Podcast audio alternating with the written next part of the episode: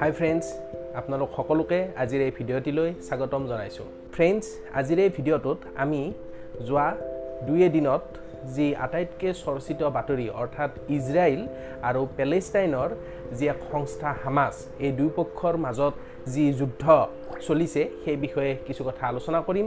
গতিকে ফ্ৰেণ্ডছ আহক আজিৰ এই ভিডিঅ'টো আমি আৰম্ভ কৰোঁ।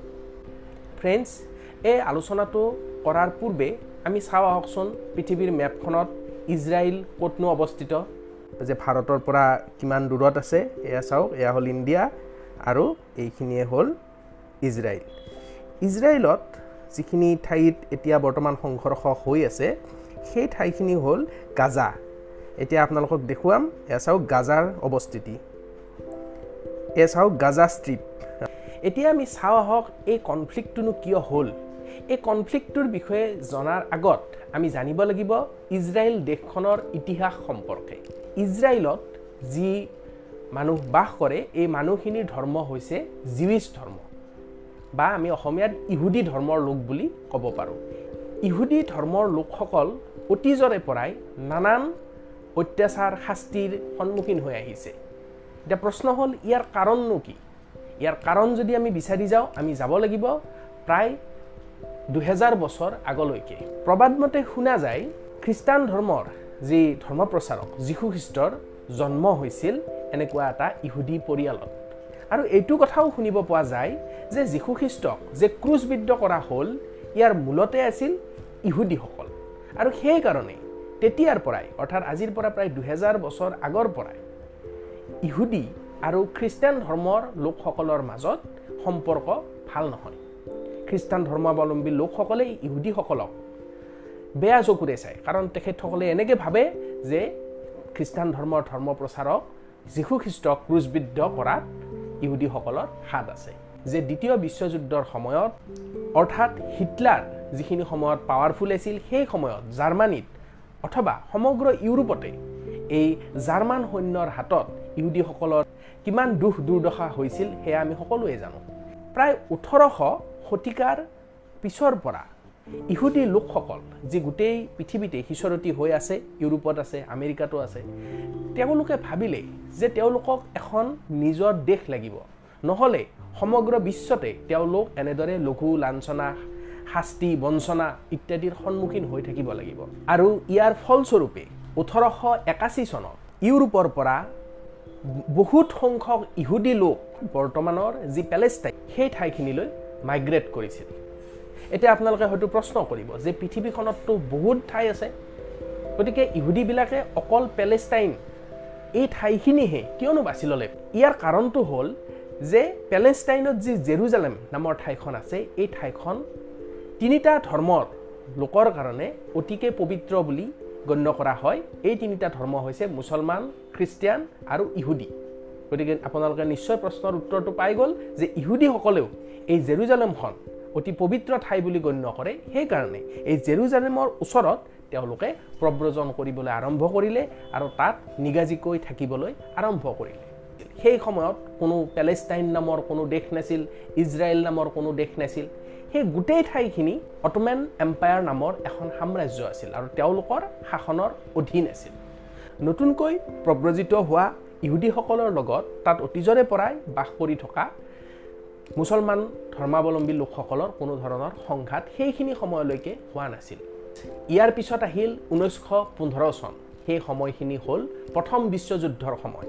আৰু এই প্ৰথম বিশ্বযুদ্ধৰ সময়ত এই অটোমেন এম্পায়াৰৰ বিৰুদ্ধে যুদ্ধ ঘোষণা কৰিছিল যুটীয়াভাৱে ব্ৰিটিছ গভৰ্ণমেণ্ট ফ্ৰেঞ্চ গভৰ্ণমেণ্ট আৰু সংযুক্ত আৰৱ যি দেশ আছে এই তিনিটা পন্থাই একেলগ হৈ অটোমেন এম্পায়াৰৰ বিৰুদ্ধে যুদ্ধ ঘোষণা কৰিছিল।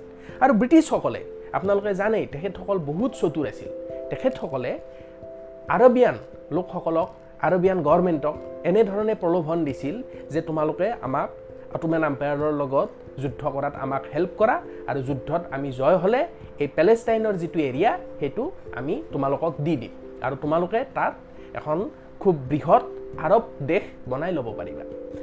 আৰু ইতিমধ্যে একে সময়তে ব্ৰিটিছসকলে ইহুদীসকলকো মিছা প্ৰলোভন দিছিল যে এই যুদ্ধত যদি আমি জয় হওঁ তোমালোকক আমি পেলেষ্টাইনখন দিম আৰু তাত তোমালোকে নিজৰ ইহুদী ৰাষ্ট্ৰ এখন নিৰ্মাণ কৰিব পাৰিবা। গতিকে এনেদৰেই প্ৰথম বিশ্বযুদ্ধত অটোমেন এম্পায়াৰৰ পতন হ'ল আৰু সকলোৰে চকুত ধূলি দি ব্ৰিটিছসকলে গোপনে ফ্ৰান্সৰ লগত অন্য এক চুক্তি কৰিলে আৰু ইয়াৰ ফলস্বৰূপে মিডল ইষ্টৰ যিখিনি ৰিজিয়ন ব্ৰিটিছসকলে অধিগ্ৰহণ কৰিলে তাক সমানে দুভাগ কৰা হ'ল এভাগ ল'লে ফ্ৰান্সে আৰু আন ভাগ ল'লে ব্ৰিটিছে।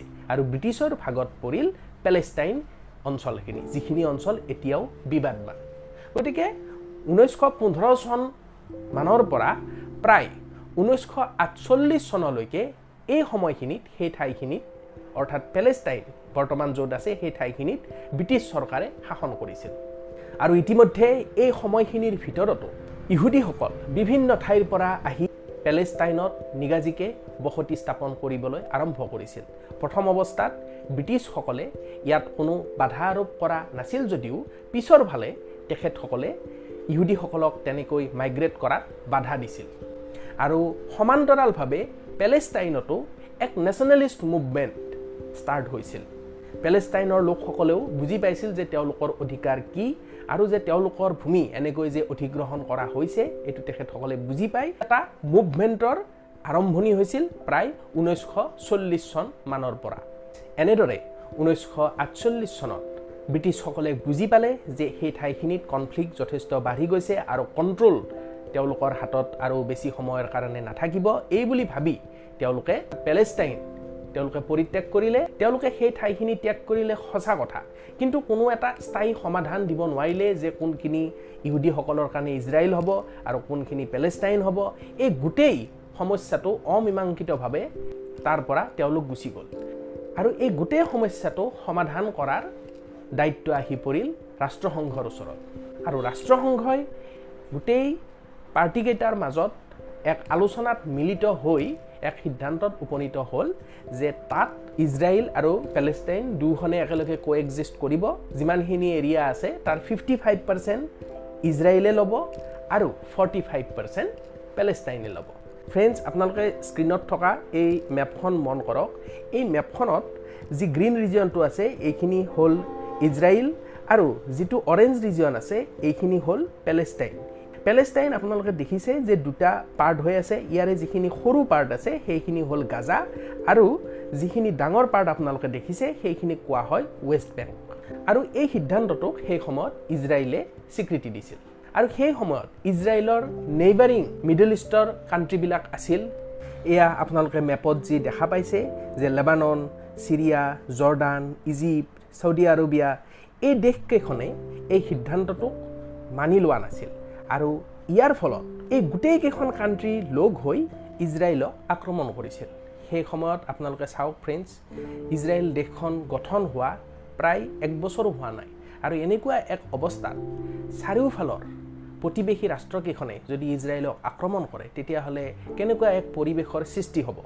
আৰু ইজৰাইলৰ লোকসকলেও সেই সময়ত মন প্ৰাণ দি যুদ্ধ কৰিছিল। কাৰণ যুদ্ধ যদি তেখেতসকলে নকৰে তেওঁলোক তাৰ পৰা বিতাড়িত হ'ব লাগিব। আৰু সকলোকে আচৰিত কৰি তেওঁলোকে এই যুদ্ধত এই ছয়খন দেশৰ বিৰুদ্ধে যুদ্ধ কৰি এই যুদ্ধত জয়লাভ কৰিছিল। অকল যে যুদ্ধত জয়লাভ কৰিছিল তেনে নহয় তেওঁলোকে পেন পেলেষ্টাইনৰ বহু অঞ্চল নিজৰ অধীনলৈও লৈ গৈছিল। ইয়াৰ পিছত ঊনৈছশ সাতষষ্ঠি চনত পুনৰ ইজৰাইলৰ লগত আৰবিয়ান কাণ্ট্ৰিসমূহৰ দ্বিতীয়খন যুদ্ধ সংঘটিত হৈছিল আৰু পুনৰ ইতিহাসৰ পুনৰাবৃত্তি কৰি ইজৰাইলে এই যুদ্ধটো গোটেইকেইখন আৰৱ ৰাষ্ট্ৰক হৰুৱাই বিজয় সাব্যস্ত কৰিছিল। আৰু পুনৰবাৰ তেওঁলোকে অকল বিজয় সাব্যস্ত কৰাই নহয় পেলেষ্টাইনৰ আৰু বহুত বেছি অঞ্চল নিজৰ অধীনলৈ নিছিল।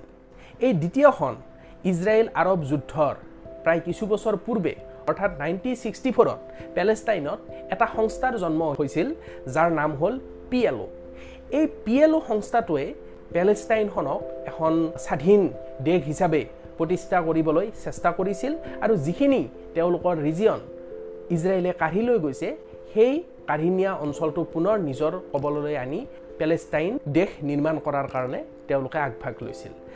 আৰু ইয়াৰ বাবে তেওঁলোকে সশস্ত্ৰ সংগ্ৰাম কৰিছিল। আৰু সেইকাৰণে আমেৰিকা আৰু ইজৰাইলে এই পি এল অ' নামৰ সংস্থাটোক নিষিদ্ধ ঘোষণা কৰিছিল। কিন্তু ঊনৈছশ চৌসত্তৰ চনত ৰাষ্ট্ৰসংঘই পি এলক পেলেষ্টাইনৰ ৰেপ্ৰেজেণ্টেটিভ বুলি স্বীকৃতি দিছিল। নাইনটিন ছেভেণ্টি নাইনত ইজিপ্ত আৰু ইজৰাইলৰ মাজত এক শান্তি চুক্তি স্বাক্ষৰিত হৈছিল। আৰু ইয়াৰ বাবেই ইজিপ্ত আৰু ইজৰাইলৰ প্ৰধানমন্ত্ৰীক শান্তিৰ নবেল বঁটা প্ৰদান কৰা হৈছিল। ঊনৈছশ বিৰান্নব্বৈ চনত ইজৰাইলত এগৰাকী নতুন প্ৰধানমন্ত্ৰী নিৰ্বাচিত হৈছিল। তেখেতৰ নাম আছিল ৰাবিন। তেখেত যথেষ্ট শান্তিপ্ৰিয় ব্যক্তি আছিল আৰু তেখেতে ইজৰাইল আৰু পেলেষ্টাইনৰ যিটো সমস্যা এইটো সমস্যাৰ স্থায়ী সমাধান বিচাৰিছিল। তেওঁৰ চৰকাৰে পেলেষ্টাইনী সংগঠন পি এলক চৰকাৰীভাৱে স্বীকৃতি দিছিল। ইয়াৰ ফলস্বৰূপে পেলেষ্টাইনেও ইজৰাইলক এখন দেশ হিচাপে স্বীকৃতি দিছিল। এইদৰে দুয়োখন দেশৰ মাজত সম্পৰ্ক যথেষ্ট ভালৰ পৰ্যায়লৈ আহিছিল। কিন্তু সেই সময়তে এক অঘটন ঘটিল। ইজৰাইলৰ কিছুমান মৌলবাদী লোকে প্ৰধানমন্ত্ৰীৰ বিৰুদ্ধাচৰণ কৰি তেখেতক হত্যা কৰিলে। তেওঁলোকে ভাবিলে যে পেলেষ্টাইনকনো কিয় এনেকৈ ৰাজহুৱাভাৱে স্বীকৃতি দিব লাগে। তেওঁলোকে এই কথাত প্ৰধানমন্ত্ৰীৰ ওপৰত বিতুষ্ট হৈ তেওঁক হত্যা কৰিছিল। আৰু ইয়াৰ পিছৰ পৰাই পেলেষ্টাইন আৰু ইজৰাইলৰ সম্পৰ্ক বহুত বেছি বেয়াৰ ফালে ঢাল খালে। ফ্ৰেণ্ডছ আপোনালোকৰ স্ক্ৰীণত থকা মেপ দুখন মন কৰক। এখন হৈছে নাইনটিন ছিক্সটি ছেভেনৰ মেপ আৰু এখন হৈছে নাইনটিন নাইণ্টি ফাইভৰ মেপ এই মেপখনত আপোনালোকে দেখিছেই যে ঊনৈছশ সাতষষ্ঠি চনত পেলেষ্টাইনৰ দখলত থকা বহুত অঞ্চল ঊনৈছশ পঁচান্নব্বৈ চনত ইজৰাইলৰ দখললৈ যায়। মেপখনত চালে আপোনালোকে বুজি পাব অলপ জুম কৰি দেখাইছোঁ এয়া চাওক। যিখিনি ৱেষ্ট বেংক পাৰ্ট আছে সেই ৱেষ্ট বেংক পাৰ্টটোত ইজৰাইলৰ অধিগ্ৰহণ হৈছিল আৰু চাওক যথেষ্ট সংখ্যক এৰিয়া এইদৰে ইজৰাইলৰ হাতলৈ গৈছিল। ফ্ৰেণ্ডছ ইয়াৰ কিছু বছৰ পূৰ্বে অৰ্থাৎ নাইনটিন এইট্টি ছেভেনত পেলেষ্টাইনত পুনৰ এক নতুন চৰমপন্থী সংগঠনৰ জন্ম হ'ল এইটোৰ নাম হ'ল হামাছ। কাৰণ আপোনালোকে জানে যে পূৰ্বৰে পৰাই পি এল অ' নামৰ সংগঠন এটা পেলেষ্টাইনক ৰিপ্ৰেজেণ্ট কৰাৰ কাৰণে আছিলেই যাক সকলোৱে অৰ্থাৎ ৰাষ্ট্ৰসংঘও স্বীকৃতি দিছিল। কিন্তু হামাছ নামৰ এই নতুন সংগঠন এটা জন্ম হৈছিল কাৰণ হামাছে পি এল অ'ৰ কাম কাজবিলাক তেওঁলোকৰ পচন্দ হোৱা নাছিল। তেওঁলোক বেছি উগ্ৰবাদী আছিল। এই হামাজ সংগঠনটো জন্ম হৈ ইজৰাইলৰ লগত পোনপটীয়া সংঘৰ্ষত লিপ্ত হৈছিল। দুহেজাৰ ছয় চনত হামাজ আৰু পিয়ালো দুয়োটা পক্ষই সাধাৰণ নিৰ্বাচনত অৱতীৰ্ণ হৈছিল আৰু হামাছে পিয়ালোক হৰুৱাই চৰকাৰ গঠন কৰিছিল। কিন্তু ইয়াৰ এবছৰ পিছত অৰ্থাৎ দুহেজাৰ সাত চনত তেওঁলোকৰ নিজৰ ভিতৰতেই এক সংঘৰ্ষৰ সূত্ৰপাত হৈছিল। অৰ্থাৎ পিয়ালো আৰু হামাছৰ মাজত এক সংঘৰ্ষৰ সূত্ৰপাত হৈ পেলেষ্টাইনখন দুটা ভাগত বিভক্ত হৈছিল। অৰ্থাৎ আপোনালোকে স্ক্ৰীণত যিটো দেখা পাইছে যে পেলেষ্টাইনৰ এটা ডাঙৰ পাৰ্ট সেইটো হৈছে ৱেষ্ট বেংক আৰু এটা সৰু পাৰ্ট সেইটো হ'ল গাজা। সৰু পাৰ্টটো হামাছসকলে কণ্ট্ৰল কৰিলে আৰু ডাঙৰ পাৰ্টটো পূৰ্বৰে পৰাই যি আছিল P L O' P L অ'ৰ অধীনতেই থাকিল। বৰ্তমান সময়লৈকে এই সমস্যাটোৰ কোনো ধৰণৰ সমাধান হোৱা নাই। যিটো অংশত পি এল অ'ৰ শাসন আছে সেই অঞ্চলটোত হিংসা বৰ বিশেষ নহয়। কিন্তু যিটো অঞ্চল হামাছে কণ্ট্ৰল কৰি আছে অৰ্থাৎ গাজা ষ্ট্ৰিপ নামৰ এই অঞ্চলটো ইয়াত প্ৰায়ে বিভিন্ন ধৰণৰ কুটাঘাতমূলক কাৰ্যকলাপ চলি থাকে। বৰ্তমান সময়ত যি যুদ্ধৰ সূত্ৰপাত হৈছে এই যুদ্ধও এই গাজা ষ্ট্ৰিপ অঞ্চলটোত হৈছে অৰ্থাৎ হামাছে ইজৰাইলৰ বিপক্ষে প্ৰায় পাঁচ হাজাৰ ৰকেট বিছ মিনিটৰ ভিতৰত নিক্ষেপ কৰিছে আৰু ইয়াৰ ফলত ইজৰাইলৰ ধন জন ইত্যাদি বহুত ক্ষতি হৈছে আৰু ইয়াৰ প্ৰত্যুত্তৰ দিবলৈ ইজৰাইলেও গাজা ষ্ট্ৰিপত ৰকেট আৰু এয়াৰ ষ্ট্ৰাইক কৰি আছে। গতিকে ফ্ৰেণ্ডছ শেষত কওঁ যে যদিও দুখন দেশেই নিজৰ নিজৰ স্বাৰ্থত যুদ্ধত অৱতীৰ্ণ হৈছে তথাপিও এই যুদ্ধত আটাইতকৈ বেছি লোকচান হৈছে সাধাৰণ নাগৰিকৰ। আপোনালোকে চাওক কিমান সাধাৰণ নিৰীহ জনতাই এই যুদ্ধত নিজৰ জীৱন দিবলগীয়া হৈছে। গতিকে আমি আশা কৰোঁ যে দুয়োখন দেশেই এক বুজাবুজি চুক্তিত উপনীত হৈ এই যুদ্ধৰ সামৰণি কৰিব। ফ্ৰেণ্ডছ আজিৰ এই ভিডিঅ'টোত ইমানখিনিয়ে। আশা কৰিলোঁ আপোনালোকে আজিৰ এই ভিডিঅ'টো চাই ভাল পালে। যদি ভাল পালে ভিডিঅ'টি লাইক কৰিব কেনে পালে কমেণ্টত জনাব। আমাৰ চেনেলটি ছাবস্ক্ৰাইব কৰিব ভিডিঅ'টি চোৱাৰ কাৰণে আপোনালোকক বহুত বহুত ধন্যবাদ।